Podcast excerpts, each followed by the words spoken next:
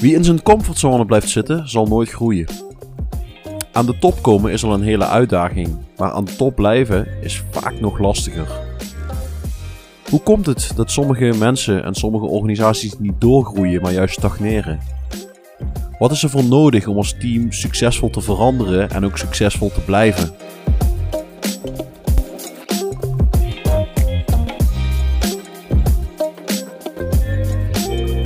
De Football Managers United podcast.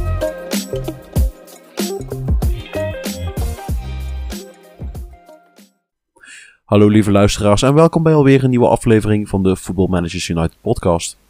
Mijn naam is Guido en vandaag zijn Paul en Erik de Joey Veerman en Dusan Tadic bij mijn Oscar voor het beste acteerwerk.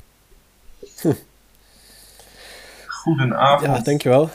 Of, of is het nog gevoelig Erik?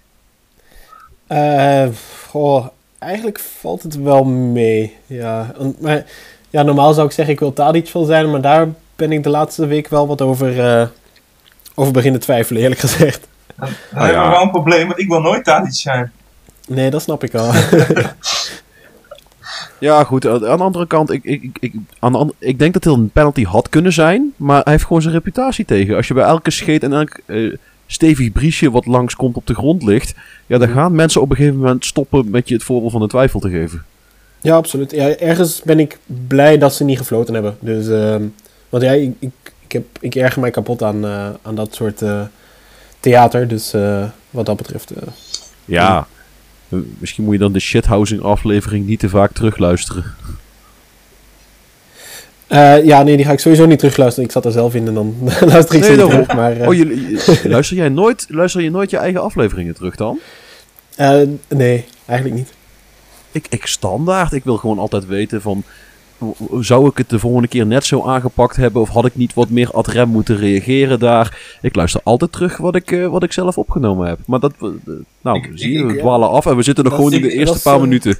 Ik, ik ben Ja, team Erik hoor.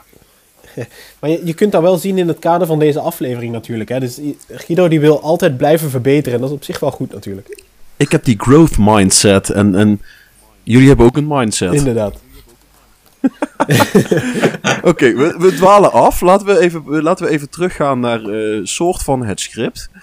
En dan gaan we eigenlijk eerst verder met onze eigen saves. En The stuff that teenage dreams are made of. Hello, hello, here we go. Onze eigen saves. ik, ik kan nu uh, Chonijanka Choinichi nog fatsoenlijk uitspreken. Dus ik, ik begin even bij, eh, bij Erik dit keer. Oké, super. Dus eh, ja, ik ben, ben inmiddels weer een halfjaartje verder. En eh, ja, we begonnen eigenlijk aan een nieuw seizoen nadat ons vorige seizoen eigenlijk het meest succesvolle tot nu toe was. Als ik me niet fris waren we achtste geëindigd. Ehm, wat, wat gewoon prima is. En ja, ik hoopte gewoon het komende jaar weer iets beter te doen. Ik eh, verloor weer hier en daar een oudere speler, maar op zich was dat allemaal perfect op te vangen. Dus dat, dat was eigenlijk ook wel goed. En eh, ja, de, de strikerless tactiek waar ik nu al een tijdje mee speelde, die, die is er echt wel goed ingeslepen. En ja, men ook gewoon de spelers die erbij zijn gekomen, die passen er wel vrij goed in. Dus dat, eh, dat sloot allemaal wel mooi op elkaar aan. Ehm, ik had dan ook nog eh, één, één speler die terugkwam van een, van een huur, huurbeurt. En daar had ik ook wel goede hoop dat hij in de basis zou kunnen komen. Want eh, het voordeel van hem was dat hij ook een vrij goede score had voor vrije trappen nemen. Dus, En dat had ik nog niet. Dat is altijd een mooie bonus als het gaat om, eh, om doorpakken en aan de top blijven. Inderdaad, ja. Dus, eh, en zeker voor in zo die, die wedstrijden dat je er zo even niet doorheen komt of zo, is dat wel heel lekker als je, als je zo iemand in het veld hebt staan. Ja, en of het nou gaat om een succesvolle indirecte vrije trap of dat hij een bal gewoon de kruising in nagelt. eh, het, is, het is wel handig als je ze hebt, inderdaad. Ja, ja inderdaad. Dus eh ze was mooi meegenomen. Dus ik, eh, ik keek er wel naar uit. En we begonnen het seizoen fantastisch. Eh, na vier, vijf wedstrijden stonden we eigenlijk de hele tijd bovenaan. Eh, de eerste vier werden gewonnen, denk ik zelfs. Dus we begonnen echt, echt heel goed. En dan kwam er Ik voel, plots- een, ik voel een maartje aankomen. Ja, ja, dus inderdaad in ergens denk eind oktober, begin november zoiets, eh, lukte het plots niet meer om, eh, om wedstrijden te winnen.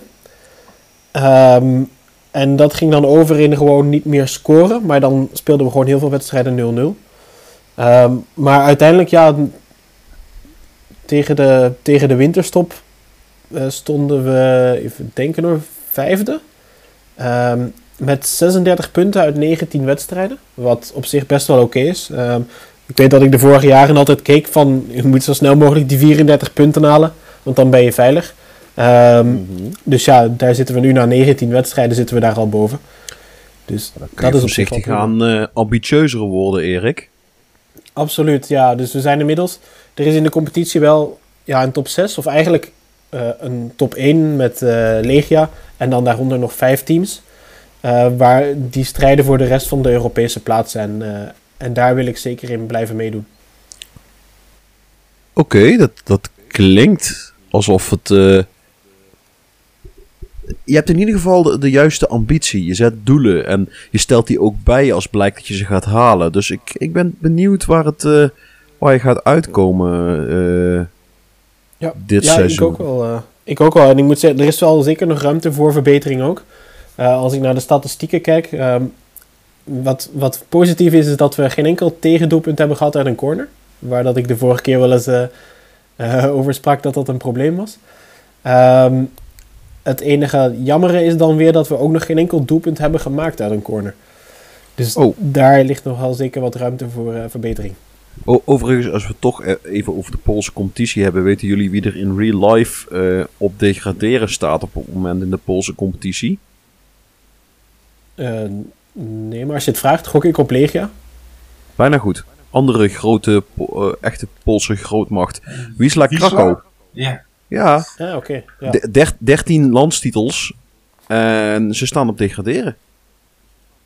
En volgens mij hebben ze zelfs die, dit eh, seizoen... Die hebben zelfs ook Europees voetbal gespeeld. In het begin van deze Maar competitie. Maar ze staan op degraderen. Waren die Volgens- twee of drie jaar geleden ook niet al een keer gedegradeerd? Ik dacht het niet. Er staat overigens wel een Nederlander onder contract, eh, Elvis Manu. Maar we hebben ze volgens mij ook, mij ook een keer Club van de Week gemaakt. Ook omdat eh, Jakub Blazikowski daar onder contract staat. Ja. En hadden zij ook niet een, hele- een, een, een Nigeriaanse spits? Ook wel een redelijke FM-held? Of is dat niet Durf- Krakau?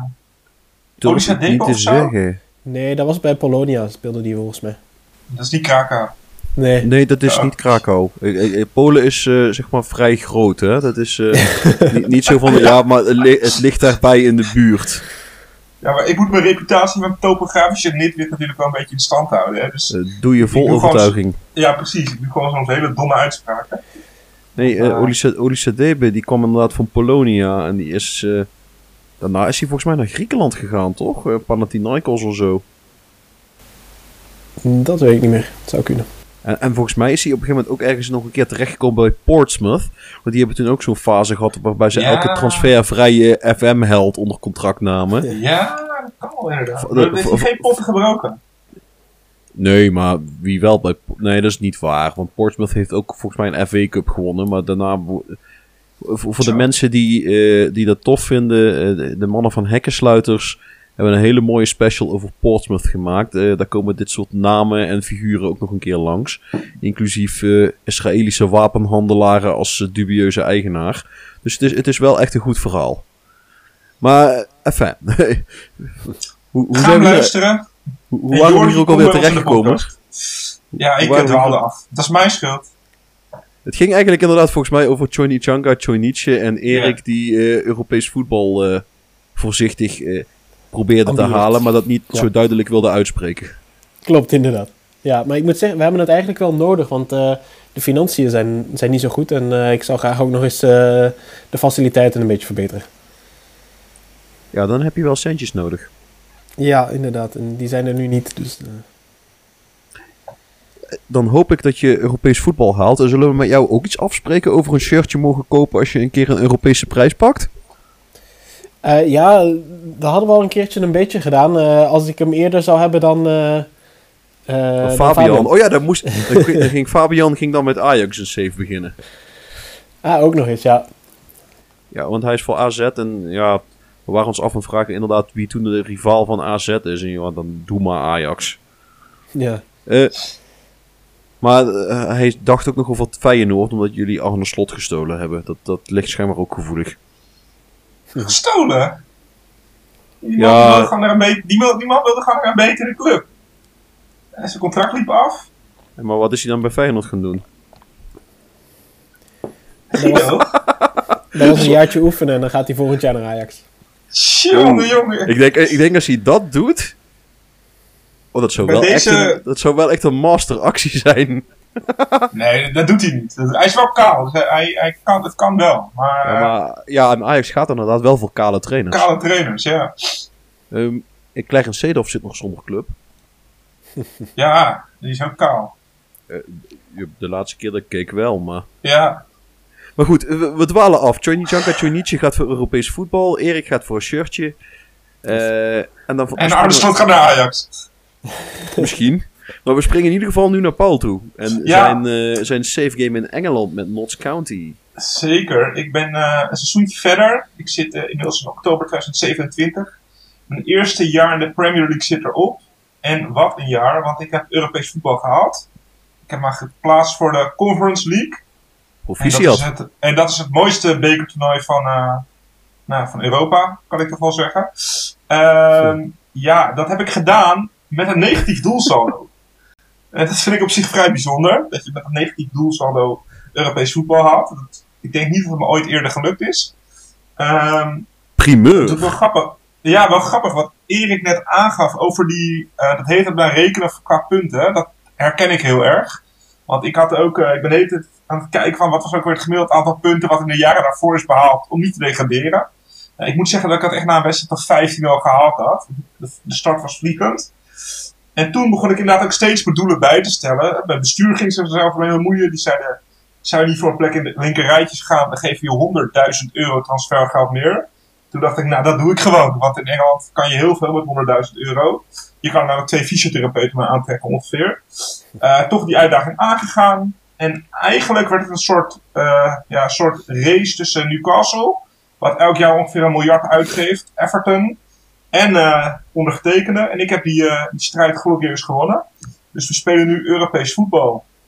Nou, en eh, mooi. de voorronde van de Conference League, dat is ook een behoorlijke tongbreker geweest. Even kijken welke ploeg het ook was. Een of andere was- IJslandse ploeg. Nee, het was na het tongbreker valt eigenlijk wel mee. Maar het is een voetbalclub Voluntari uit Roemenië. Roemenië. Ja, in het Angel Iordanescu stadion. En die zijn vrijwillig naar jou toegekomen. Ja, ik, ik moest die grap ook al een paar keer maken. Nee, ze zijn vrijwillig naar me toegekomen. En de eerste Europese wedstrijd, dat is niet helemaal waar, want in de jaren 70 hebben ze ook één ronde Europees gespeeld. Maar de eerste Europese eh, wedstrijd onder mij, die eh, heb ik met 5-1 gewonnen. De return was een formaliteit, die won ik met 2-0. En nu zit ik in een pool in de Conference League met Inter, Utrecht en Nurkoping. Dus het doel is ook wel om de volgende ronde te Ja, behalen. dat moet ook lukken. Ja, Lukken. ik heb- ben echt eh, wel een klein beetje afgedoogd door Inter. Maar ik heb eh, thuis gewonnen van Utrecht. Dus eh, twee wedstrijden gespeeld. En we staan netjes op drie punten. En ik verwacht inderdaad wel dat ik Nurkeuting kan hebben. Ehm, dus dan eh, denderen we door. En eigenlijk had ik ook meteen als doel om dat toernooi te winnen. Ehm, maar er zitten dus wel wat aardige teams, waaronder Inter. En nog een Ja, en de, de, dacht, stromen, de stromen er straks nog in vanuit eh, de, de Ja. Europa League, hè? Ja, absoluut. Ja, nee, die moet ik ook niet. Stuttgart zit erin, hè. dat is ook ook wel te doen. Ehm, Heb je nog steeds Sven Botman achterin staan? zeker, eh, maar hij heeft wel concurrentie gekregen. En dat is eh, van een, mijn eerste nieuwsje ongeveer. Die heb ik gekocht ehm, in Schotland. Die gast heet Ross Stewart. En dat is fysiek echt een beest. Ehm, allemaal groene getalletjes, om het zo maar te zeggen. En daar houden wij van. Ehm, en dat is echt wel zo'n speler die ik echt voor een miljoen of tachtig hoop te verkopen op termijn. Nou ja, het is een homegrown speler in, eh, in, de Britse competities. Dus het, het geld... eh, Ja, ja Schotse international en gewoon, ja, gewoon hele goede... hoeveel, hoeveel betalen ze ooit voor Harry Maguire? Dus ja, Ja, ja, precies. Nee, dat, dat, dit, dit wordt echt een nieuwe Harry Maguire, maar dan op een positieve manier. Ehm, dus ik hoop gewoon dat hij nog, nog even doorgroeit. Hij is pas 20 jaar. Maar hij heeft wel interlands gespeeld voor Schotland. En eh, ja, hij doet nu ervaring op. De... Eigenlijk is dat de directe concurrent van Sven Botman. Ze zijn allebei linksbenige spelers. En eh, het leuke aan Sven Botman is dat hij best goed kan verdedigen. Maar dat hij zo traag is als dikke stront door een trechter. Hij heeft echt een 10 voor speed. Eh, het is geen Koen Special. Niet Eh, bepaald. dus nee, het is, eh, het is niet de meest, eh, ehm, meest snelle verdediger. Maar ja, hij is wel een van, mijn van, van mijn beste verdedigers. Speel je met een hoge defensieve lijn, Paul? Nee, gewoon met een normale. Ja, dat snap ik wel. Ja, ik, ik moet zeggen dat, dat, ondanks alle podcasts die ik bij jullie over tactieken heb ge, geluisterd, dat ik het, die defensieve lijn is bij mij altijd een soort van, ik heb het gevoel als ik daar aan zit, dat het altijd misgaat. Dus ik blijf er lekker van af. Maar ehm, eh, ja, dat is gewoon puur bijgeloof eigenlijk. En ik vind dat niet zo nodig. Er staan gewoon goed mijn verdedigers. Eh, en dit is gewoon mijn, mijn tactiek die ik eigenlijk het hele jaar al hanteer, die ik inmiddels geïmplementeerd. Ik ben natuurlijk begonnen op het vijfde niveau van Engeland. En dan had ik niet mijn tactiek met eh, voetbal het uitverdedigen, hoger tempo, korte pasen. Dat heb ik allemaal niet gedaan. Dat was gewoon lange ballen snel thuis. Nee, maar dat zie je Maar sowieso nu, de eh, laatste tijd ook in real life voetbal. Van die ploegen die dan voetballend proberen op te bouwen van achteruit. Totaal niet onder de druk uitkomen. En, en, en dan gewoon de bal op de meest lompe plekken inleveren. Ehm Ja, wat was dat laatste? Die, die, die, keeper van MVV die met ballen al het doel in werd gelopen door een, eh, ik dacht een speler van Excelsior. En volgens mij was dat, eh, was dat niet bij Oostende, Kjaal Scherpen, die ook eh, een paar keer niet helemaal lekker ging met dat voetballende aspect, aspect daar. Maar daar zal Erik me wel op corrigeren als ik het verkeerd onthouden heb. Nee, dat klopt inderdaad. Ja. Ja, nee, maar mijn verdedigers... eh, Ja, ik heb wel Sven Botman aan ingesteld als voetballende verdediger, omdat hij aardig kan pasen. Maar hij moet vooral zichzelf niet te moeilijk maken. Ehm, dus eh, er staat een, normale verdediger naast. En dan speel ook weer voor het eerst sinds tijden met een eh ball-winning midfielder. Dus er is wel... eh, de, de, de hulp is... eh, die is er, zeg maar. En ik begin inmiddels ook wel een redelijk team op te bouwen. Het is nog steeds wel volgens de, de voorspellingen die elk jaar aan het begin van het seizoen gedaan wordt. eh, zou ik twintigste moeten worden.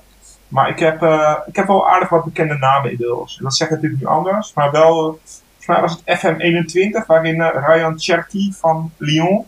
Sherky Eh, is, is nog steeds gewoon echt een talentje hoor. Ja, die, die, die heb ik weten te strikken. Die is in mijn game ehm, ja, echt zich nog wel aan het ontwikkelen. Hij is 24 jaar. Eh, maar hij doet het wel, eh, ja, het is gewoon een, goede aanwinst eigenlijk. En eh, voor de Barcelona-fans heb ik ook nog Ricky Puig ehm, weten te strikken. Ik geloof En niet dat dat hij bij Barcelona-fans zo heel populair is, onze Ricky. nee, hè? Nee, nou ja, voor mij is het gewoon een, een prima spelmaker. Ja, een mooie voetballer vind ik het ook altijd wel. En eh, ja, ik ben nog geen Barcelona, dus voor mij voldoet hij nog. Eh, verder heb ik Patrick Cutrone gehuurd. Van eh, voormalig AC Milan spits. Ja, ja ik heb nu zijn twee voormalige Milan spitsen. Jij had Colombo nog, toch? Colombo, ja, die, en die is wel lekker los hoor. Die scoort wel aan de, aan de lopende band eigenlijk. Ik heb nu vijf, heeft vijf Premier League wedstrijden gespeeld, heeft hij vier keer gescoord. En in het vorige seizoen heeft hij volgens mij 14 doelpunten Dus je, gescoord in de je hebt competitie. eigenlijk twee van die Italiaanse sluipmoordenaars voorin lopen. Ja, precies, precies. Ja, ik, eh, ja, de laatste week voordat de transfermarkt dichtging was mijn geld echt op. Maar ik had nog wel een spits nodig en ik had nog een keeper nodig. En dan ga ik altijd een beetje kijken, ja, goed, wie kan ik goedkoop huren? En eh, toen heb ik veel aan jou gedacht, Guido. De laatste dag van de transfermarkt eh, is toen, eh ehm, is toen uh, Cutrone nog gekomen. En dat is meer gewoon dat ik inderdaad gewoon twee spitsen nodig heb, ook met een Europees programma. Was het een koopje? Ja, was een koopje, ja, gewoon gehuurd voor eh, alleen zijn salaris overnemen. Kijk. Dus dat is niet, niet heel veel geld. Geen, geen optie tot koop meegepakt. Ja, vrijwilliger volgens mij. Even kijken hoor. Eh, ja. eh, Nou, dat zijn sowieso de beste. Als het dan niks is, kun je het nog afblazen. oh, nee, ik, heb, ja, ik doe altijd vrijwillig. Ik pas hem altijd aan en dan gaat de club akkoord. Maar ik heb hem, ik heb hem bij, bij hem niet. Maar ik heb nog een speler gehuurd en daar heb ik hem wel bij gedaan. Ah, tof. Ik, eh, ik ben benieuwd of het, eh, of het gaat lukken om in Europa te stunten, Paul. Ja, ik, ik- ja, weet je, echt het toernooi winnen. Wat je zegt, er stroomt nog wat Europa League in.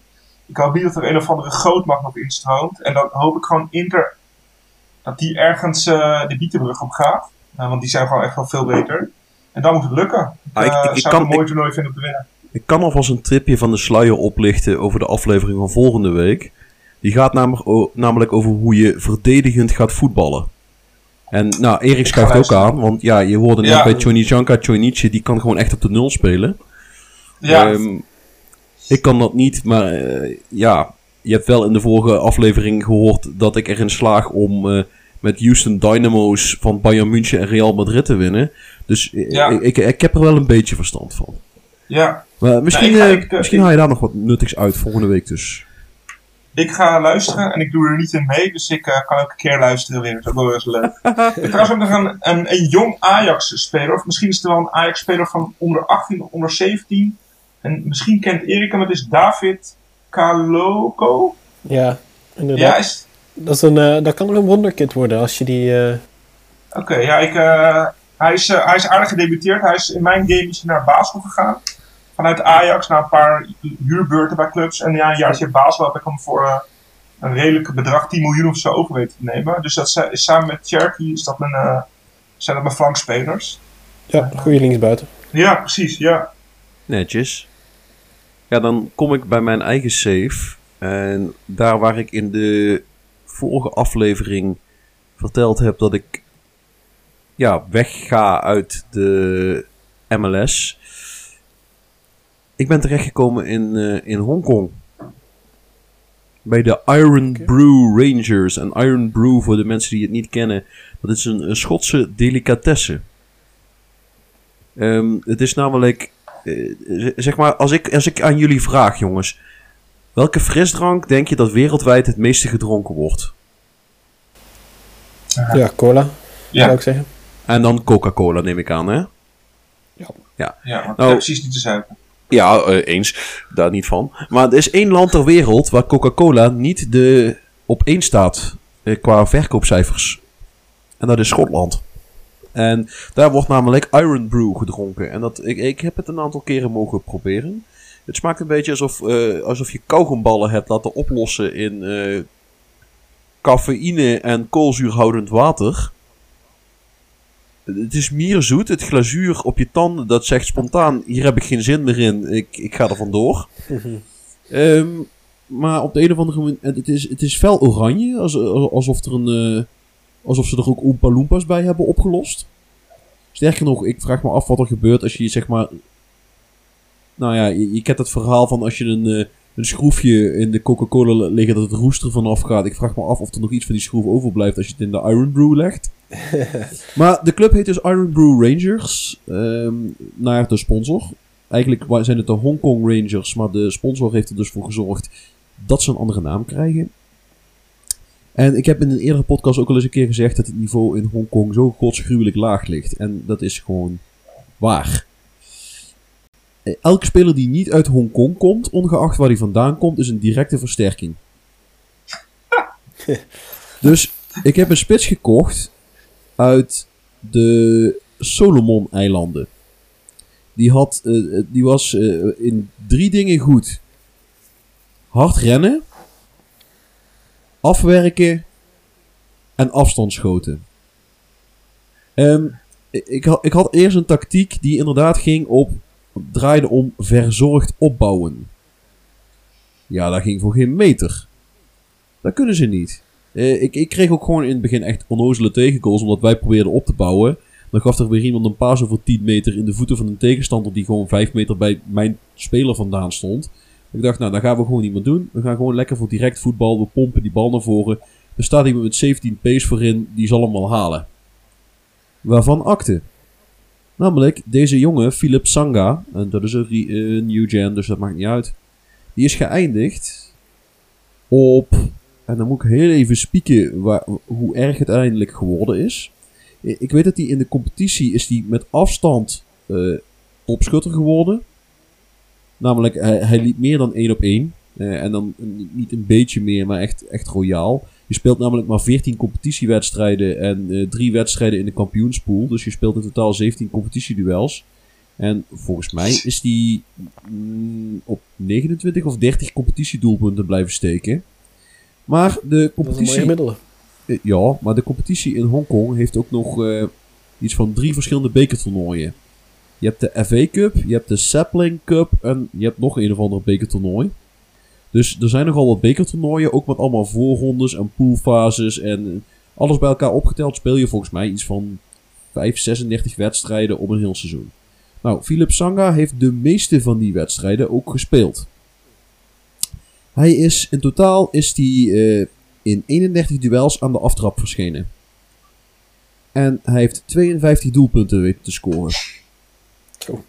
Eh, waarvan, waarvan maar twee penalties. Dus nou niet denken, ja, je laat hem alle penalties nemen. Nee, dat deed hij niet eens. Maar ja, het, eigenlijk, het enige wat hij kon was hard rennen. En nou, toen kwam op het einde van de competitie kwam een club uit Australië en die zeiden we betalen 2 ton voor hem.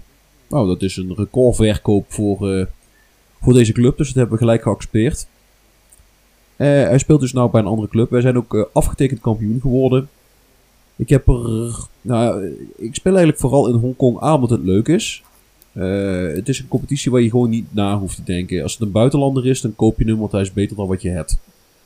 En je mag zes buitenlanders onder contract hebben, waarvan er vier tegelijkertijd op het veld mogen staan. En vijf als er ook een Chinees bij is. Nou, nou heb ik toevallig ook nog een eh, Chinese Canadees gevonden die ook nog tegen een balletje kan trappen. Dus die stellen we ook op. Dus ik mag nou vijf niet-Hongkong-spelers opstellen. En wat heel geinig is, eh, er bestaat een club in Hongkong, dat is eh, Hongkong FC. Die hebben alleen maar Engelse, Schotse en Welsche spelers met een Hongkong-paspoort. Dat is ook een amateurclub. De enige amateurclub op het hoogste niveau. De rest zijn gewoon profs. Maar dat betekent, je kunt daar gewoon, de betere spelers kun je gewoon elk jaar daar weghalen. En eh, nou, ik heb daar nu vier, vier spelers geloof ik weggeplukt de afgelopen tijd. Ja, dat zijn ja, direct basisspelers bij mij. Want dat zijn dan Europeanen. Dus die zijn gewoon langer dan een meter 60. En ja, daarmee zijn ze eh, eh, nuttig. Ik heb een centrumverdediger gekocht van 1,93 meter. Niet dat hij kan voetballen, want dat kan hij niet. Maar omdat hij eh, 1,93 meter is en 15 heeft voor jumping, is hij vorig jaar wel op 9, competitietre eh, 9 competitietreffers geëindigd in, ja, niet overdrijven, 9 treffers in 27 wedstrijden. Maar nou, er zijn spitsen die een slechter gemiddelde kunnen overleggen dan eh Zack Malone. Nou, met andere woorden, het is, is gewoon lekker. Ik heb wel het, het snode plan opgevat om pas weg te gaan bij Hongkong.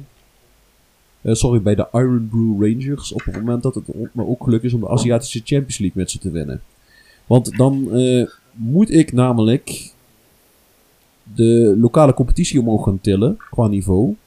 En dan moet ik mijn verdedigende speelstijl gaan perfectioneren. Want in eh, de Aziatische Champions League komen dus ook ploegen tegen uit eh, Zuid-Korea, China, Japan, Saudi-Arabië, die gewoon vele malen beter zijn. En toch denk ik dat ik ze kan hebben.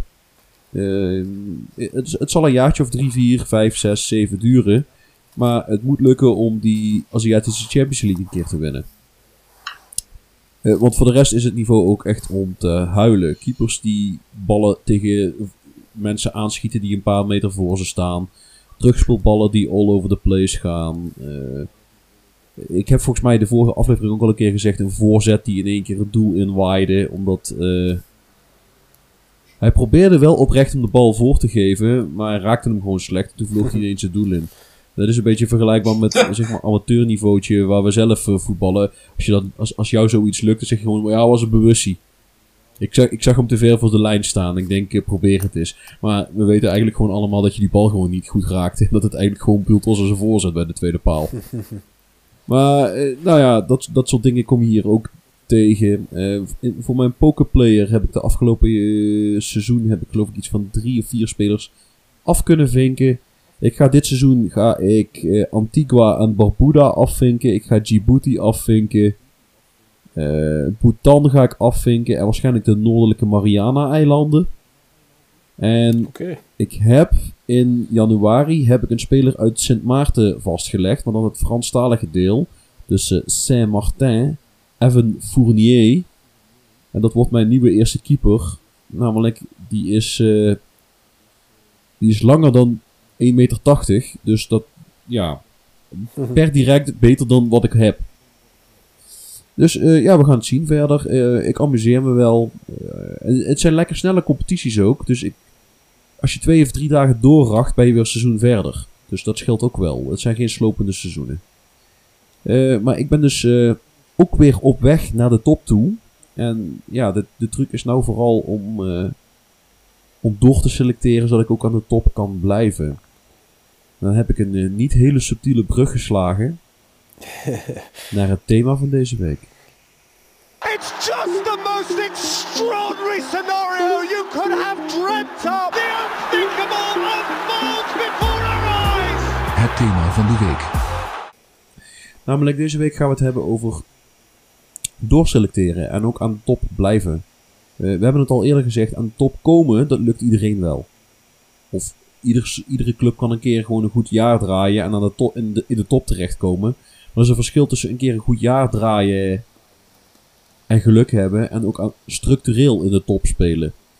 Als je, als je, laten we gewoon even naar Nederland kijken. In Nederland heb je de traditionele top 3. En eh, laten, we, laten we ze even de PAF-clubs noemen. Eh, PSV, Ajax, Feyenoord. De PAF-clubs. Dat, zijn de clubs die de meeste landstitels gewonnen hebben. En die je normaal gesproken elk jaar wel kunt opschrijven voor een plekje in de top 3. Nou, Feyenoord heeft een paar wat mindere jaren gehad. Maar ga er, ik ga er min of meer vanuit dat je ze de komende jaren ook weer kunt opschrijven voor gewoon een vaste top 3 club.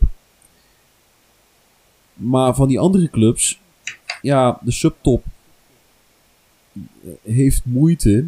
En we hebben in het verleden wel uitdagers gehad van de, van de topclubs. Twente heeft het geprobeerd.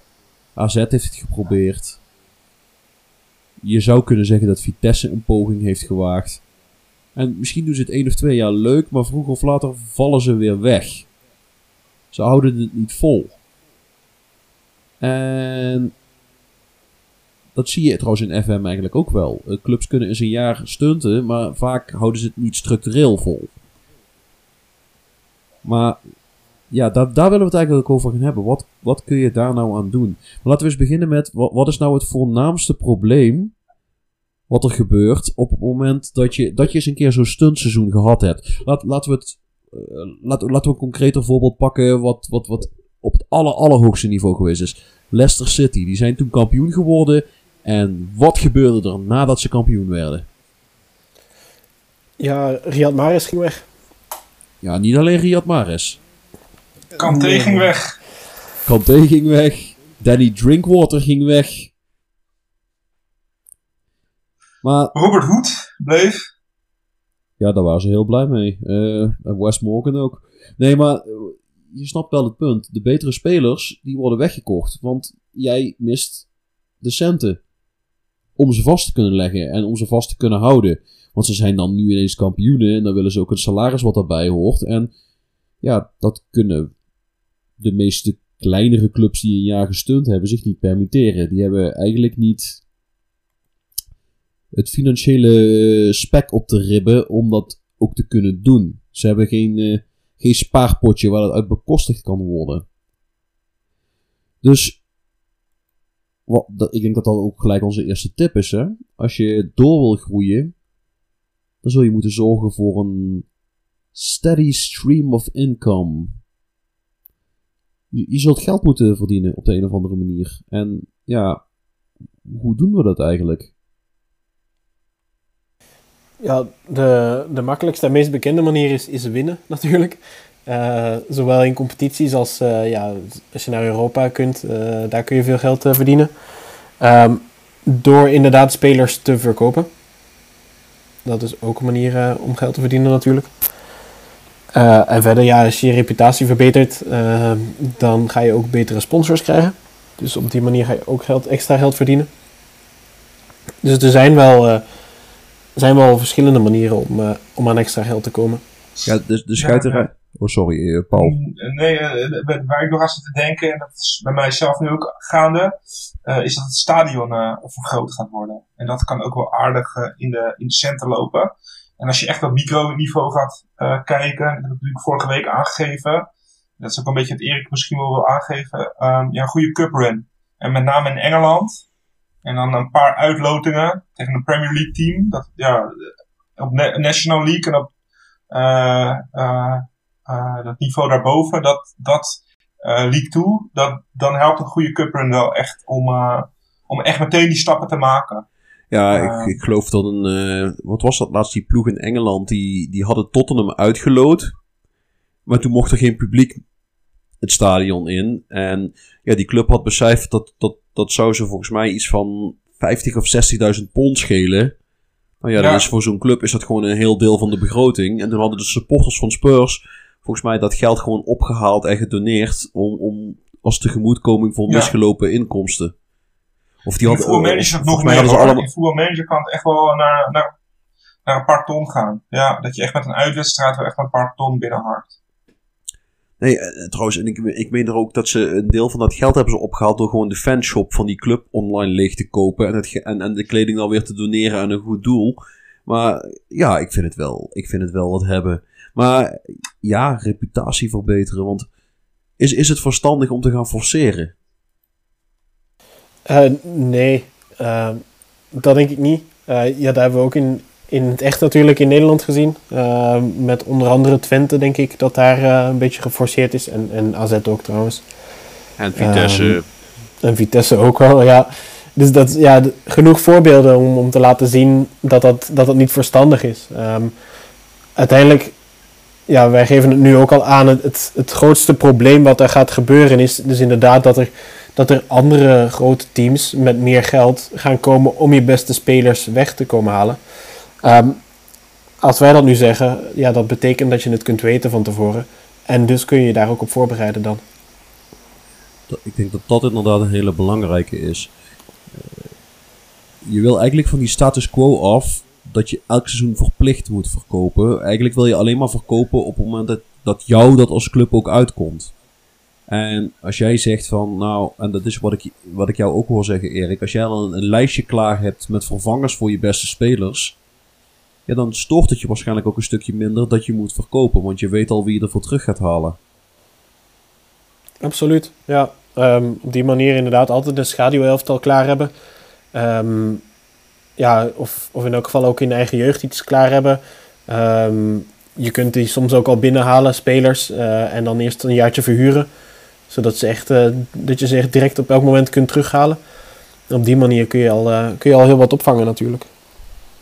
ook dat is. Maar eh, ja, dan, dan zit je inderdaad wel in de. In de ja, je bent een spel van de lange adem aan het spelen. En nou, Paul, als er eentje, één van ons het spel van de lange adem gespeeld heeft in zijn afgelopen save game, dan is het wel degene die vanuit de, de krochten van het Engelse voetbal is opgeklommen naar de Premier League.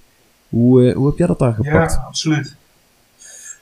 Ja, eigenlijk ehm, heb ik een soort vast stramien wat ik eigenlijk wel hanteer. En dat is dat ik bijna elk jaar wel de helft van mijn team vervang. Eh, als ik promoveer natuurlijk, anders heeft het niet zo heel veel nut. Ehm, en ja, eh, één tip is gewoon kortdurende contracten. Want ja, ik, ik weet je, ik ga spelen om zo hoog mogelijk te komen. Dus als ik iemand een contract voor vijf jaar aanbiedt, dan is het op National League niveau een hele leuke speler. Maar vijf jaar later komt hij in de championship echt niet aan de bak. Of nou misschien eens een keer een invulbeurtje, maar ga er maar vanuit dat het niet goed genoeg is. Dus je moet gewoon kortdurende contracten aanbieden. Eh, huren, eh, moederclub. Dat zijn echt wel de dingen die ik gewoon echt vast hanteer. Ehm, en ja, gewoon wel ambitieus zijn. Want eh, ja, in Football Manager is een back-to-back promotie niet onrealistisch. Ik heb de vorige keer ook gezegd dat het National League niveau of het League 2 niveau, dat verschilt niet zo heel erg veel. Dus je gewoon een goed National League team hebt, dan kom je de League 2 ook gewoon goed mee. Uh, en dat geldt eigenlijk ook voor League 2 naar League 1. Wel, dat is wel een iets grotere stap. De grootste stap vind ik zelf van League 1 naar de Championship. Uh, omdat dat, Championship is echt een voetbalcompetitie. En dat andere is gewoon Engels beuken, Engels rachen, centrale verdedigers zonder voortanden. Uh, een beetje dat niveau. Kale koppen, kick and rush. Dus dat, dat is, in de Championship begint het pas echt. Ook omdat je dan clubs tegenkomt die gewoon best wel veel financiële mogelijkheden hebben. Uh, en dan moet je er gewoon klaar voor zijn. En dan moet je gewoon, um, ja, echt, echt loeren buitenkansjes. Want, want je gaat niet, je gaat niet die, echt, die, die, die gaat niet de sterspelers binnenhalen. Dus het zijn allemaal spelers met een kratje, om het zo mooi te zeggen. Dus de ene is wat gevoeliger, de andere is een beetje bejaard. De andere heeft al een paar jaar niet gescoord, maar heeft het in het verleden wel gedaan. En zo bouw ik dat een beetje op. Uh, dus het is ook wel een beetje gokken eigenlijk soms. Op zich is het ook wel mooi, denk ik, als je dat hoort. Uh, dit is inderdaad voor mij een, een heel goede manier om uh, door al die competities heen steeds te blijven promoveren en altijd te blijven doorgroeien. Ehm, als we dan gaan kijken naar echt aan de top blijven, dus als, op het moment dat je er al echt bent, eh, dus top van de Premier League, dan zou ik bijna het tegenovergestelde doen, om het zo te zeggen. Dus in plaats van korte eh, contracten zou ik dan juist gaan naar, naar veel langere contracten Ja. eh, en, en minder huren. Inderdaad, zodat je dus eh, niet moet verkopen, ehm, om, ja, omdat bijvoorbeeld een contract gaat aflopen, maar dat je echt enkel moet verkopen, of ja, enkel gaat verkopen als, als je echt een goed bod krijgt en je iets anders hebt klaarstaan. Nee, absoluut. Dat, dat, dat is helemaal waar. Ja, ik zit nu ook even real life naar mijn team te kijken. Ik moet zeggen dat er wel wat contracten aflopen. Maar dat zijn echt spelers van, ehm, van, eh, die nog in de championship best wel aan de bak kwamen. En die dus een contract hadden voor drie seizoenen en nu in het derde seizoen zitten en gewoon, eh, wat mij betreft, weg mogen. Of het zijn eh, veteranen die ik nu voor een jaartje gehuurd heb. Uh, niet gehuurd heb, voor een jaartje heb vastgelegd. Om toch die ervaring, en dat werkt niet helemaal meer in deze voetbalmanager, begreep ik. Uh, maar ik heb toch twee, twee bejaarden eigenlijk rondlopen. Uh, toch voor die ervaring. Ik wou zeggen, want uh, als je ze hebt voor mentoring, dan werkt het ja, ook nee, alleen als je ze nee. daadwerkelijk opstelt. Nee, ja, ik weet, ik, ik, heb, ik heb het dat niet per se gedaan, maar wel gewoon omdat het uh, gewoon professionele en ja, ze hebben gewoon een goede, goed karakter. En ja, ze, konden ook, ze konden ook nog wel iets hoor. De, de, de André Ooyen-rol bestaat niet meer in voetbalmanager. Nee, Hij deed het leuk in de kleedkamer. Ja, nee, precies. Nee, uh, ik heb uh, overigens Condopia. Dat is uh, wel een basisspeler bij mij. Op 35-jarige leeftijd. En um, Louis Dunk van Brighton is het volgens mij. En die heb ik wel gewoon echt als vierde centrale verdediger gehaald. En die, die ja, heeft nu wel bijvoorbeeld tegen Utrecht een keer een wedstrijd gespeeld. Um, maar dat is inderdaad, wat Erik zegt, gewoon, ik, heb nu, ik betaal eerder te veel voor een speler qua salaris. Um, dat is trouwens niet heel per se wat Erik zei, maar wat ik een beetje eruit concludeer. Lange contracten. Weet je, je kan beter een tonnetje te veel betalen in de Premier League per jaar. Dat maakt niet zo gek veel uit als je hem maar binnenhaalt, de speler. En als er maar een versterking is. Dus inderdaad, voor de lange termijn, um, ja, geef ik het geld wel redelijk makkelijk uit, moet ik zeggen.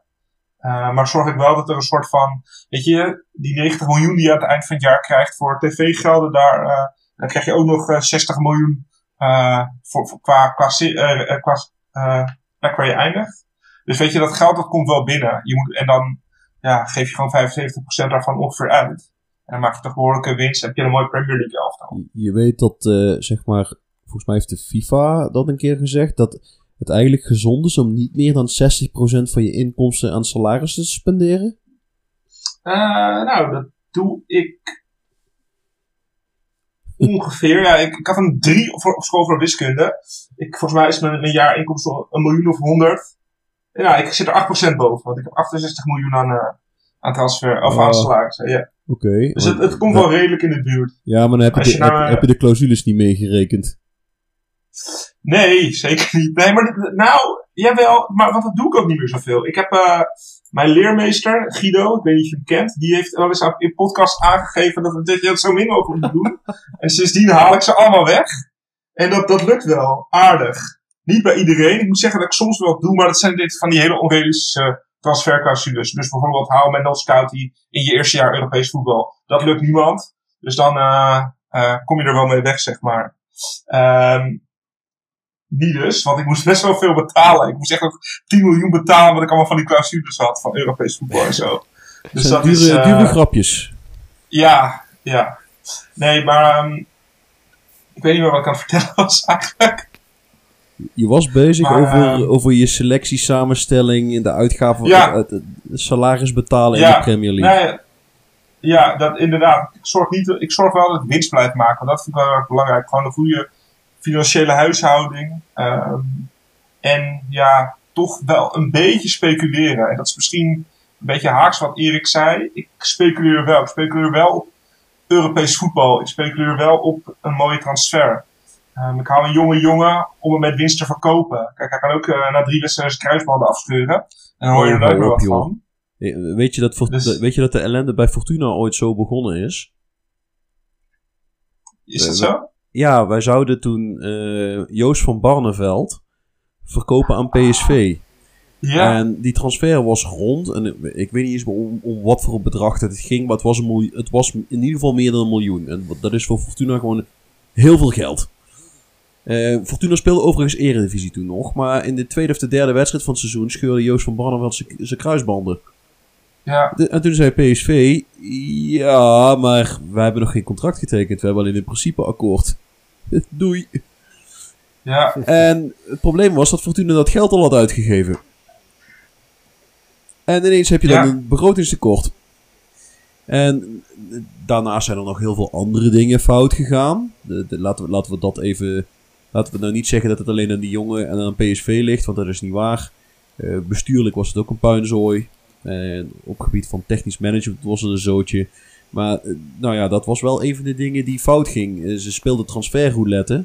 Ze hadden gespeculeerd, net zoals Paul, op, op die transfer.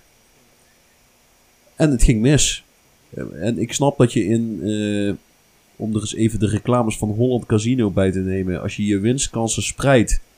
Je hebt zes of zeven van die pareltjes in huis waarvan je denkt dat zou nog wel eens wat kunnen worden. Dan is de kans dat er eentje gaat een stuk groter.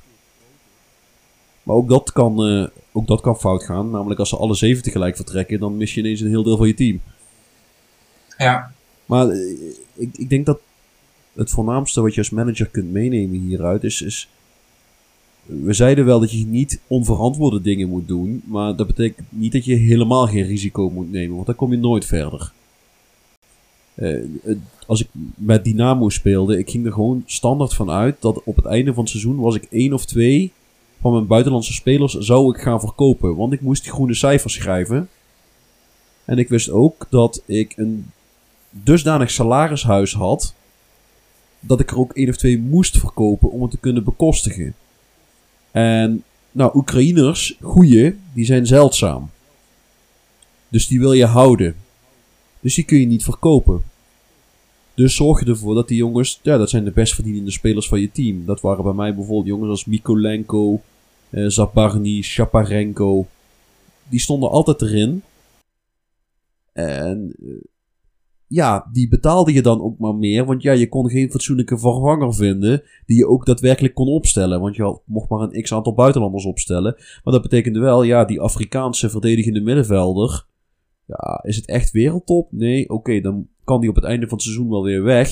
Maar omdat hij in de Oekraïne speelt, is hij goedkoper dan een middelmatige speler uit La Liga. Dus dan vind je wel een ploeg die hem wil, die hem wil overnemen. En ja, dan ga ik ook weer een pagina uit het boekje van Erik nemen. Je zorgde dat je al drie of vier mogelijke vervangers op het oog had.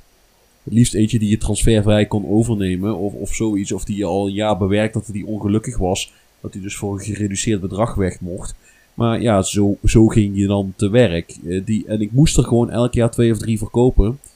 Om eh, ervoor te zorgen dat de salarissen fatsoenlijk betaald konden worden. Want je wil niet speculeren op elk jaar de Champions League winnen. Want als het dan een keer fout gaat, dan zit je gelijk met een begrotingstekort van 50 miljoen. En ja, dat is wat heftiger. En als je het kunt uitsmeren over vier of vijf spelers waarvan je er dan eentje of twee moet verkopen om dat tekort op te vullen. Dat is een wat minder groot risico. Dat is wat beter te doen. Dus ja, eh, noem het maar financieel drijfzand. Je moet wel uitkijken dat je niet in die situatie komt dat, je, dat, het, dat het echt moet. Want dan, Ja. dan, dan gaat het pijn doen. Ja, en ik denk dat bij mij gewoon, en je hebt het de vorige keer gezegd, je hebt natuurlijk allemaal van die clausules dat als je degradeert, dat je dan nog wel redelijk eh, opgevangen wordt. Ja, die Ehm, parachute payments. Ja, precies. Ja, ehm, en ja, dat, dat is vooral denk ik hetgeen. Ik ben nu al vrij redelijk gestart met vier overwinningen uit zes wedstrijden. Ik kijk toch ook nog echt wel naar die rode streep. En die, die is voor mij echt gewoon nog heilig. En weet je, dat rekenen wat Erik in het begin van de aflevering zegt. Als ik 34 punten heb in, in de Premier League, staat het volgens mij gemiddeld 40. Dan gaat gewoon eerst even een dag de vlag uit. En dan, eh, dan gaan we weer door. Omdat dat gewoon heel belangrijk is. Ja, je zit nou eigenlijk in je formatieve jaren in de Premier League. En hier leg je de basis van: Ja, ben ik in staat om eens een keer te stunten? Of wil ik structureel naar de top doorgroeien? En dat betekent eigenlijk dat je elk jaar gewoon, ja, eigenlijk zijn het zwarte cijfers en geen groene, geen groene cijfers. Maar je moet elk jaar zwarte cijfers schrijven. En elk Ja. jaar zorgen dat, je, dat, dat er geld binnenkomt.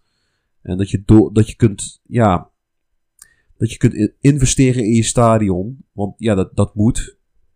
Je, Ja. je- want het, het stadion is de enige manier van vast inkomen die je, die je hebt. Namelijk de recetten. Je hebt, je hebt gewoon supporters en die blijven toch wel komen. En dat, dat is je vaste inkomen. Dan heb je je basisinkomen uit de competitie. En elke plek die je boven de laatste plek eindigt is eh, volgens mij 2,5 miljoen extra op het einde van de rit. Ja, dat gaat vrij hard. Maar ook daar, eh, ik ga ervan uit dat jij er al min of meer van uitgaat dat je bij de eerste tien gaat eindigen. Ja, dat is wel, dat is wel het doel. Eerste tien is wel het doel. En weet je, ik wil eigenlijk gewoon eh, nog een keer Europees voetbal halen. En dat kan natuurlijk op twee manieren, nou vier manieren eigenlijk. Eh, want ik speel nu in de Premier League, dus een goede cup run is helemaal niet onrealistisch. Nou, daar heb je er al twee van. Ik, ik kan die verdomde Conference League winnen. En ik kan gewoon via de competitie doen. Maar ik zit er wel aan te denken om dit jaar misschien toch echt een keer voor zo'n cup run te gaan. Want ik laat de cups, laat ik, nu ik in de Premier League speel, een beetje links liggen. Omdat dat qua financiën wel een paar miljoen, ja, weet je, ik heb het van een paar miljoen, natuurlijk heel veel geld. Maar in voetbalmanager is dat In Engeland meer of het- minder Ja, precies. Dat, dat, dat maakt er niet uit. Maar ik ga denk ik dit jaar echt wel even een keer voor, de, voor een goede cup. Ehm, Ja, want de Ligt tweede reden waarom ik het zeg, stel je nou voor dat je een, een keer te maken krijgt met een blessurereeks. ja, En je zou per ongeluk twaalfde worden, ja, dat scheelt 5 miljoen. En voor Ja. Man United of dat soort ploegen van dat kaliber is 5 miljoen, ja, dat is eh, de salarissen van de helft van de selectie voor een week. ja. Maar ja, voor voor, mij is het jou, een jaarsalaris van mijn beste speler. ja, daarom, voor jou is 5 moment nog. miljoen is, Ja. is niet echt een druppel op een gloeiende plaat, dat is wat meer. Want ik, ik, heb laatst gezien, ik geloof Man United heeft de afgelopen 10 jaar 1 biljoen aan, aan transfers uitgegeven. Nou, er zijn landen die, die niet een dergelijke omzet draaien. Ja, dat is echt een hele hoop geld. Hoeveel Ja. nullen zijn dat? Veel te veel. Als je ziet, ja, 18 of zo? eh, het, het zijn meer nullen dan Harry Maguire de nul heeft gehouden. De, Ja. Jo, jo, jo, jo. Ja. nee, sorry, hele slechte grap. En voor alle Harry Maguire fans die naar deze podcast luisteren, we menen het absoluut wel, maar het- we snappen ook best dat hij prima kan voetballen hoor. Ik denk ook dat het meer nullen zijn dan dat er Harry Maguire fans zijn. Dus, eh, wat dat betreft. Ja. Nou ja, in ieder geval Nederlandstalige. Oh, volgens mij is Chris eh, eh, is toch best wel fan van, van alles van Man United. Dus bij- dan zal hij ook wel fan zijn van Harry Maguire. Ze noemen hem ook wel eens de Engelse Virgil van Dijk, toch? Nee, dat is onzin. eh, ik, ik, ik weet niet of ze hem trouw- trouwens zo noemen, maar...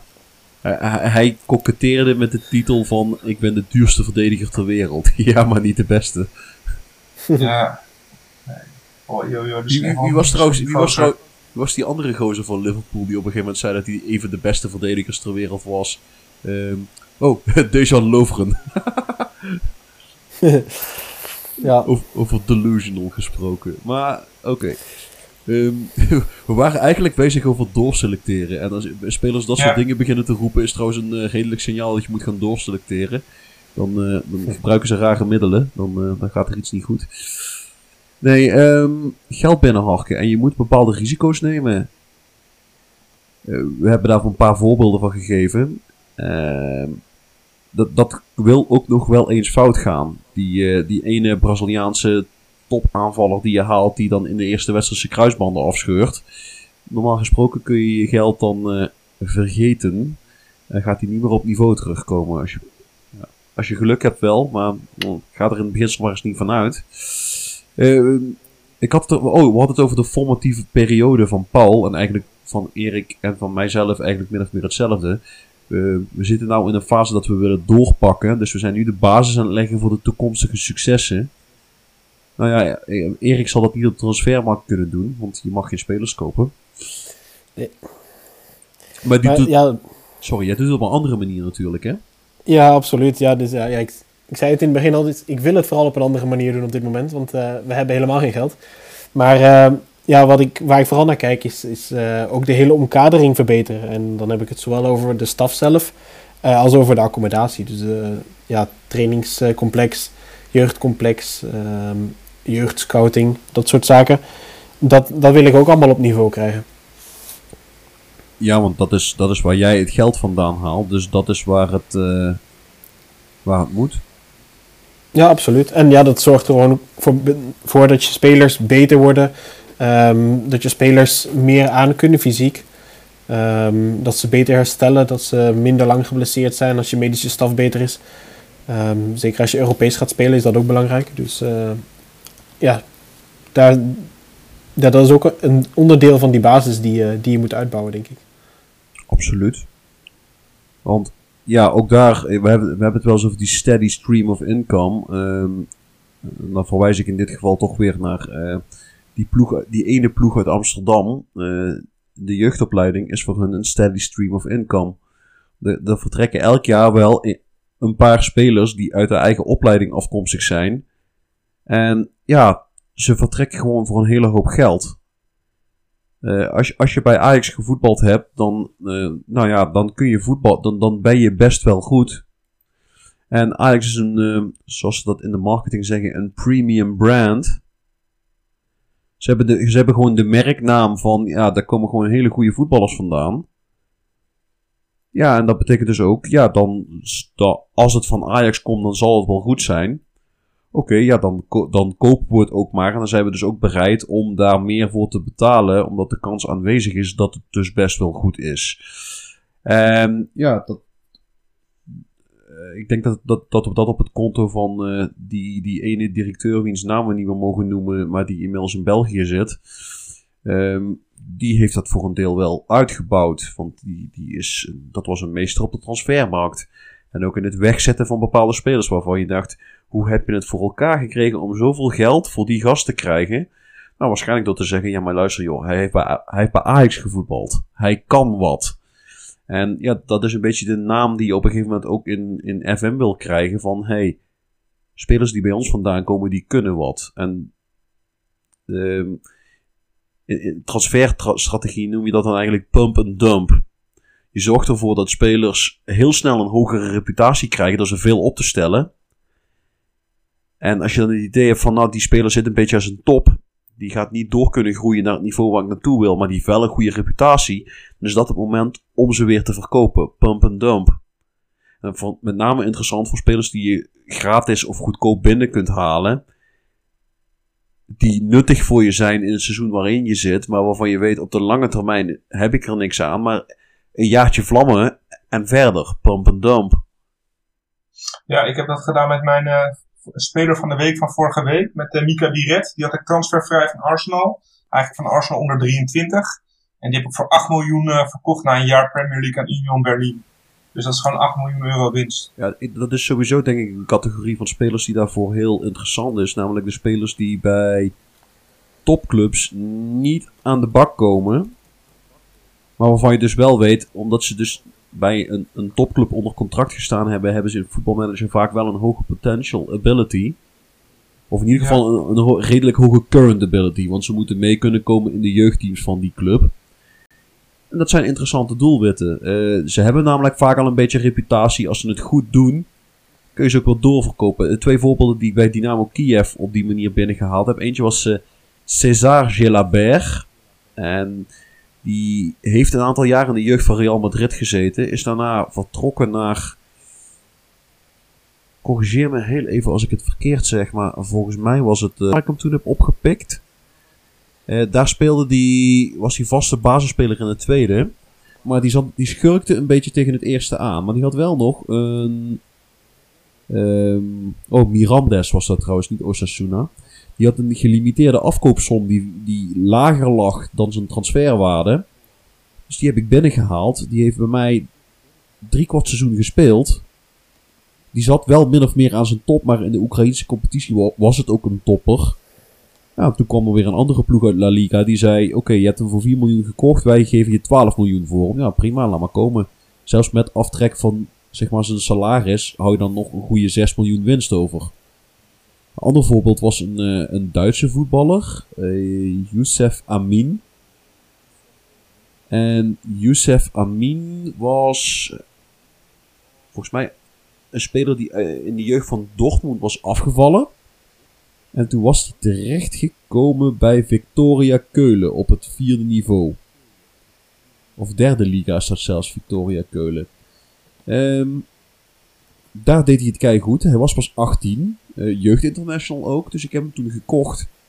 Dat was ook wel zo'n speler met een gelimiteerde transfersom. Ik heb hem voor een miljoen gehaald. Hij heeft drie seizoenen bij mij gespeeld. Zich opgewerkt tot volwaardig Duits international. Niet omdat hij goed genoeg was, maar gewoon in een van die Champions League runs van Dynamo Kiev eh, raffelde hij een paar goaltjes erin vanaf rechtsbuiten.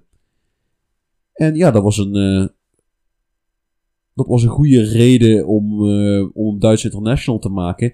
Maar ik wist wel, nou, die zit als een top. Dus die gaat nooit meer beter worden dan dat. Dus dit is het moment om pump en dump te doen, doorverkopen en wegwezen. En cashen op die handel. Dus eh, ja, pump en dump. Ja, ja dat is ideaal hè. Eh, en dan kun je het inderdaad op, op, op het moment doen dat jij het wilt. En dan is inderdaad zorgen dat je een vervanger klaar hebt staan. En dan, eh, Dat was, eh, dan moet ik zeggen dat dat eigenlijk nooit mijn probleem is. Gebrek aan vervangers. ik, eh, ik weet dat ik in de vorige, in de aflevering over Engels voetbal gefulmineerd heb tegen de, de, de bij, wel haast moderne slavenhandelaars die in het Engelse voetbal spelen, actief zijn in real life. Maar als je mij een voetbalmanager ziet, dan ik, ik kan er ook wel wat van. Selecties van 100 of meer spelers is eerder regel dan uitzondering. In geval van twijfel, alles vastleggen. En dat zijn er wel echt een hele hoop. Ja, de sleepnat transfers, hè. Je koopt... ja, je kunt ze toch meestal wel verhuren en dan, eh, dan betaal je er Ja, al, denk ik dat dat, als we toch weer een sidetrack erbij pakken, in de toekomst wel eens een dingetje kan zijn, hè. Want eh, de FIFA wil transfers, eh, huurtransfers van spelers ouder dan 23 aan banden gaan leggen. Namelijk, je mag nog maar zes spelers van ouder dan 23 gaan ver, eh, verhuren. Ja, maar over het algemeen, bij mij in elk geval, zijn het toch altijd wel de jongere spelers die ik verhuur. Dus wat dat betreft. Dat klopt, maar als je bijvoorbeeld kijkt naar de, de, de Chelsea's van de wereld, die verhuren toch ook wel vaak wat ja, midden twintigers nog. Ja, Ja, voor jaren en jaren. ja de Lucas Piazons van deze wereld inderdaad. En Lewis Baker, Ja, Ja, goed. En, dat is eh, gewoon op zijn 27 dan is het... maar Ru- Ruben Loftus Creek, die, of Cheek, die heeft toch ook jarenlang bij allerlei clubs onder contract gestaan voordat hij nu echt een kansje Ja. krijgt. En dat is, dat is alleen. Dat is Die alleen speelt niet basis, hè? Dat is- ja, door wat blessures, maar hij speelt inderdaad basis. En die, die speelt niet best wel veel, ja. ja. Maar eh, nou ja, er zijn andere clubs die, die, ook, die ook dat soort dingen doen. En eh, in Engeland zijn ze eigenlijk allemaal schuldig daaraan. Man United doet het, Man City doet het, Chelsea doet het, Liverpool doet het ook. Ze doen het allemaal.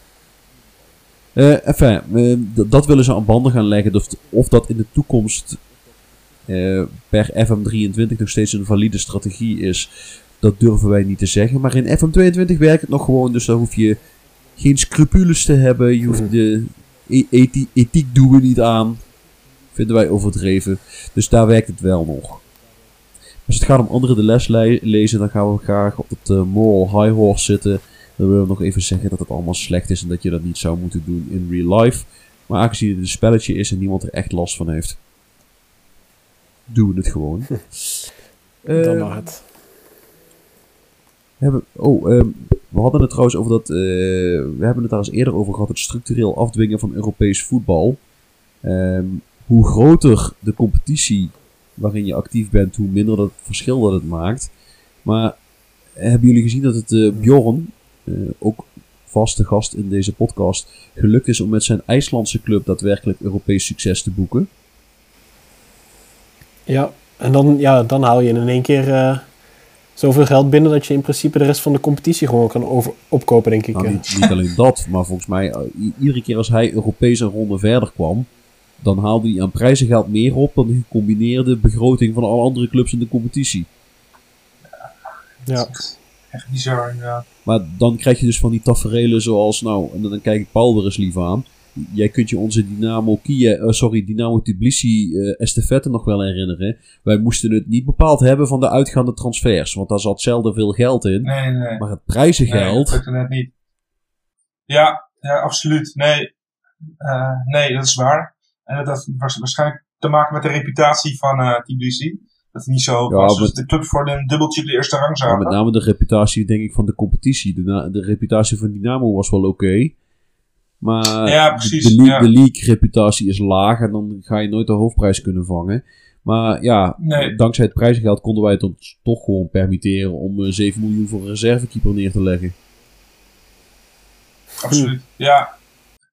Door de meest legendarische manager van het voetbalmanagersforum. Abso- absoluut. Maar, eh, want nou lijkt het alsof we daarmee spotten. maar het is gewoon een hartstikke toffe gozer. En hij zorgde ervoor dat die Stefetis games nooit saai werden. Zeker niet. Nee, absoluut. Nee. Absoluut. En ik zie dat het Arsenal voor staat tegen Chelsea, dus eh, ik hoop dat hij een gouden avond heeft. Nou, eh, het is eh 20 april. Dus eh, even voor de mensen om context te scheppen, want deze aflevering zal waarschijnlijk eh, beduidend later uitkomen. Dus niet dat mensen ineens denken, hè, hoezo? Die hebben helemaal niet tegen elkaar gespeeld. Eh, wij, wij zijn... We, we, we nemen niet live op. We nemen niet live Nee, op. maar als er, als er mensen Nee. zijn die ons willen sponsoren om ons bij elkaar in de studio te ragen en, en gewoon de reiskosten ons te vergoeden, eh, we houden ons aanbevolen. Ja, Pepsi schijnt net gebeld te hebben, maar eh, toen ik wat zei over dat niet te zuipen was, hebben ze weer opgehouden. Oh ja, ja, maar dat doen we heel, sowieso vaak in deze podcast, onze eigen ruiten ingooien. Ik, ik, weet- volgens mij, eh, Antoine Griezmann komt ook al niet meer vanwege dingen die we gezegd hebben. eh, ja, Nee, het, houdt niet, op, niet vanzelf. Harry Maguire zal ook niet meer komen, denk ik. Ja. Nou, ik heb hem wel nog de Engelse Nee. Virgil van Dijk genoemd. Dat is best wel een compliment. ja, ik heb hem een paar keer uitgelachen. En terecht. Oh, ja, zie je, daar gaat het wel mis. het, het, ging toch, het ging toch heel even goed. Nee, ehm, ik denk dat we daarmee het thema van deze week op een eh, uitvoerige, jedoch accurate wijze besproken hebben. Dan resteert ons nog eh, het openstaande thema. De club en de speler van de week.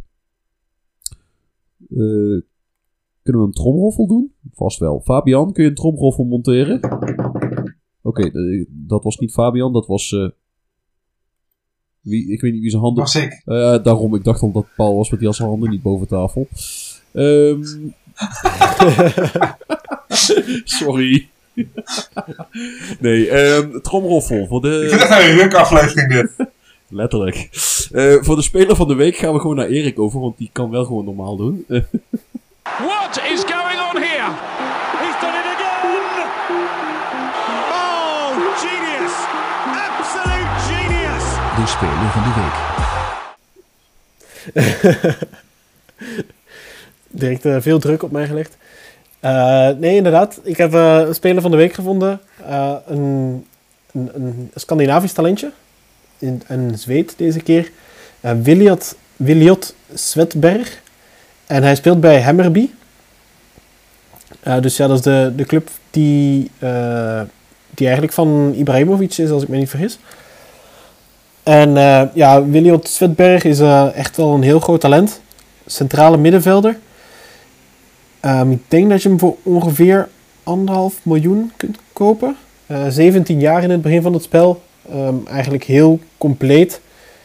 Zeker qua mentale en fysieke attributen is hij gewoon echt heel goed.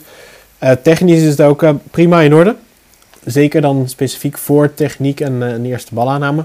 Maar gewoon ja, echt een heel complete speler. En als je enkel zijn attributen ziet, dan kun je bijna niet geloven dat hij pas, pas 17 is. Dus ja, dat is echt zo'n speler die je direct in het begin van de game al op, je, op je shortlist kunt zetten. ja, Voor, als je een speler verkoopt, dan kun je hem direct binnenhalen. Want, een beetje vergelijkbaar met eh, zeg maar de speler naar wie Paul zichzelf vernoemd heeft op het forum. Eh, Matthias Arezzo was er ook altijd zo eentje. Het zijn van die, van die standaardnamen die haal je binnen omdat het min of meer Ja. garanties zijn om je geld op zijn minst te verdubbelen en vaak te vervier of vijfdubbelen. Als je maar ver genoeg komt en hij er maar genoeg ballen in racht of genoeg tegenstanders omschopt als, als je een verdediger koopt. Maar ja, Mhm. eh, een goede, great call Erik. Dan gaan we naar de... Dank je. Ja, graag gedaan. Dan gaan we, naar de, dan gaan we naar de club van de week. En daar hebben wij gekozen voor een suggestie van een van onze forum members, copywriter. Brilliant! Just brilliant! He gave that the works! Oh, what about that? What about that? De club van de week. Die vroeg zich al een aantal keren af waarom we hem structureel negeerden.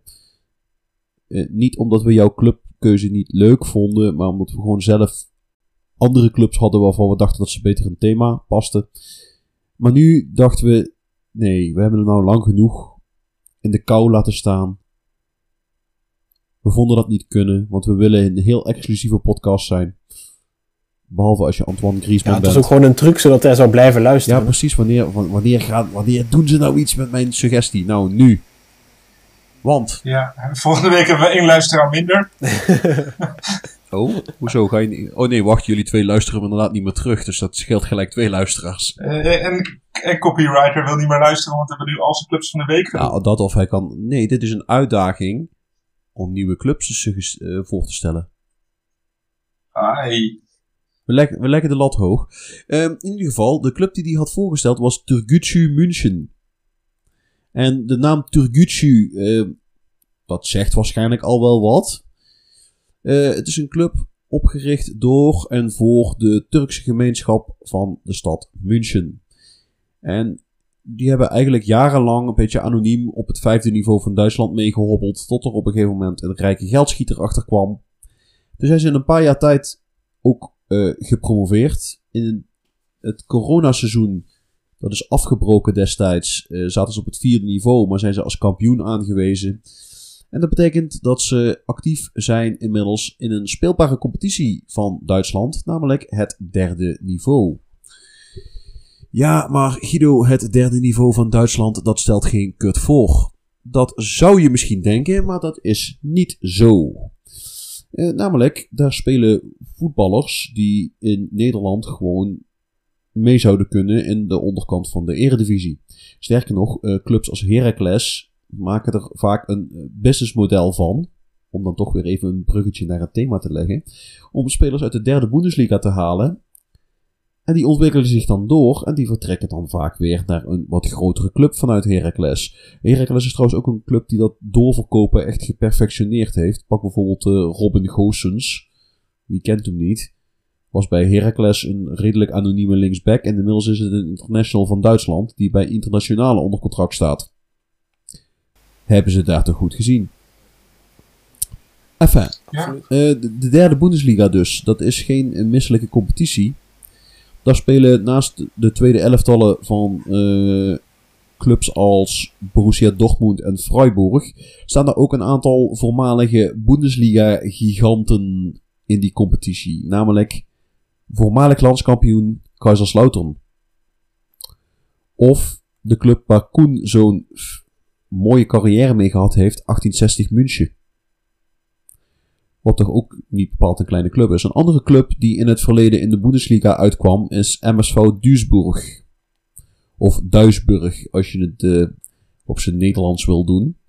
Maar die hebben toch ook een aantal jaartjes mooi in de Bundesliga gespeeld. Hebben zelfs Europees voetbal gespeeld. Eh, De laatste keer in 1999.